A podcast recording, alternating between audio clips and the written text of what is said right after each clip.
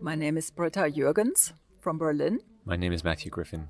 Can you describe your profession, what you do? We are both architects working together since 27 years uh, in our um, architecture office called Deadline Architects in Berlin what does it mean to be an architect? What do you do? I mean, uh, we know who you are. You said that you run a studio, that you are an architect, but what does it include? What do you do on daily basis? Uh, how do you run your studio, and how do you find yourself as architects? What defines your job according to you? Well, our office is not a traditional architect's office. We have the privilege of being able to define what we believe architecture to be. And this is in the widest sense about creating cities and the spaces in these cities. And we're very interested in all the components that go together to make a city, if it be the use that people use a space for, or the way a space looks, or the things around the space. And our focus is in the end on building beautiful buildings, but if a bu- building is beautiful and does not have a beautiful use to go with it, then it doesn't really make much sense.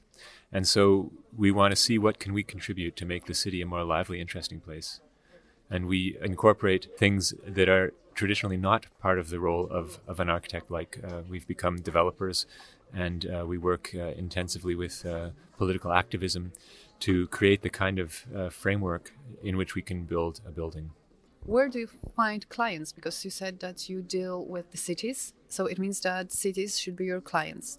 How do you find your clients? 27 years is a long time uh, running a studio, so it means that you needed to have a lot of clients in order to be an established studio, first of all, then to sustain yourself. And how do you find clients, or are you at the point of your career that clients find you? Well, I think we're in that respect very unusual. We we've been working together for 27 years, but only produced uh, two outstanding buildings. I, would like to say, I think it's true, and uh, one low income uh, change uh, of an old building. And uh, we sustain ourselves not just with architecture work, but we also run a little hotel uh, so we are able to be free in the, the, themes that really interest us, which is architecture and urban planning, to do what we think is important. And I think that we have always been independent of make, having to make money with with uh, our architectural studio.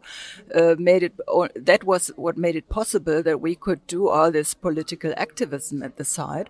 And uh, that basically led to this last project we did, which now is um, uh, looked upon as an example of how things can be done different in a city. And um, yeah, in that way, I think we were unusual. And basically, for this last project, the clients um, found us. Um, yeah this is something uh, really important what you've said uh, that you don't sustain yourself uh, from pure architecture from running the architecture studio. And this is both comfortable and uncomfortable situation because you need to look for an income from other sides than architecture.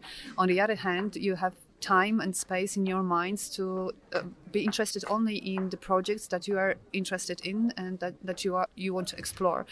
Was it your conscious decision? I mean, when you started, you were thinking that we will be doing something else to make money simply, and we will focus on something else to make our architecture more thoughtful, more uh, responsible, more engaged? Yes, it was a cons- conscious de- decision right from the beginning. We uh, have always uh, separated our enterprises uh, that uh, produce um, money and our enterprises to produce content at the beginning, we had an office for architectural services, which we, with which we measured buildings and drew them for other architects who were renovating the buildings.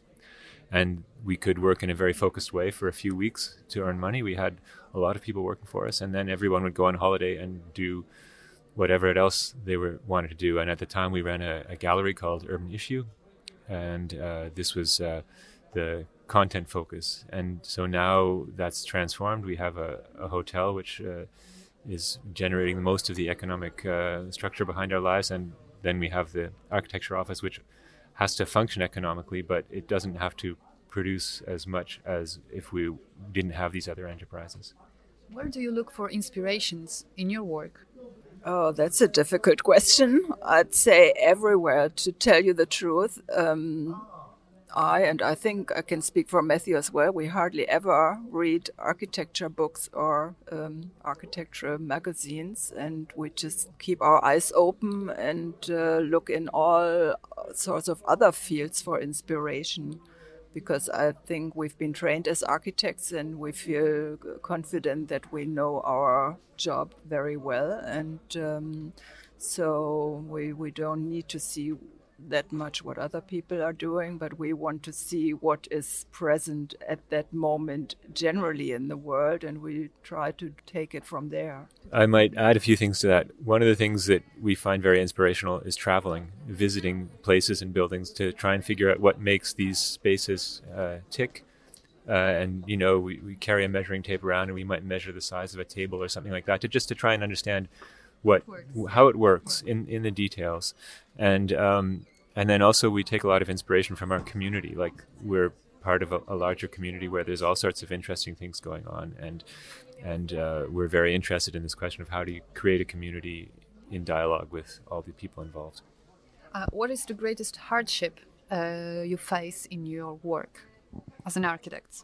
Um, well, I think that one thing you have to understand if you're considering becoming an architect is that 95% of everything you do every day is is a real drag, and uh, there is very little actually inspiring work. But if you, in the end you do succeed, you create something very inspirational. But it's composed of all these endless hours of of uh, drudgery, and um, as long as you keep your focus on on where you're going and what your goals are, then that's all bearable yeah. Is there any highlight, any hope for people who would like to become architects? Because you know, 95% of time being a drudgery, it, it sounds a little bit scary. Is there anything that you can say about your work that is, is bright? Well, every day we see the buildings we build because actually in the one building we have our office and we're in the hotel. And now this other project we also run another little hotel and a cafe. And all the people it's a co-op uh, there. And we see how, how they all love that building building. And the guests in our hotel every day we get uh, we get feedback and they're all so happy. And they're all inspired by the work and and these buildings we build them especially in a way that they will really last basically forever. They can't uh, you know the materials are chosen in a way that they will still look good in when we're dead a long time. And so this is very rewarding every day. You know, every day we I still don't think it's boring. You know, and and uh, yeah, we're very grateful that we are actually in the situation that we can enjoy the buildings ourselves and be in touch with the all these other people who are enjoying the building, and um, that's super rewarding. Yeah, it's worth the drudgery, definitely. I think also there's nothing more amazing than seeing something materialize that you've been working on for so many years and so many corners that you put into all this thought and you see it, it comes together and it looks beautiful. And often you know you've you've thought about spaces you've made models of them you've done drawings of them but you never know what they're going to be like until they're actually there. And it's just an incredible thing to see this thing slowly materialize to get instant feedback yeah on yeah. what you've done uh, just to be uh, revised by people who use it because sometimes you are not able to review your project yourself you just get the feedback from other people that might be uh, objective but then you being in the place that you've built and functioning there you can develop yourself with the feedback you get from other people. Can you imagine yourself being someone else than you are now professionally? If you were not deadline architects, if you were not architects yourself separately, what would you do? What would be your profession, your job? Well, the older I get, um, I think everybody keeps asking themselves these questions, and I used to ask these questions myself, uh, you know. But the older I get, the more I see that we are, have exa- done exactly what we were made to do. Not only that we wanted to do it, but it seemed all, almost as if we had to do it. And I think everybody should just look at this thing inside of them, what they're made for, you know, not what they want, but you know, it seems like yeah.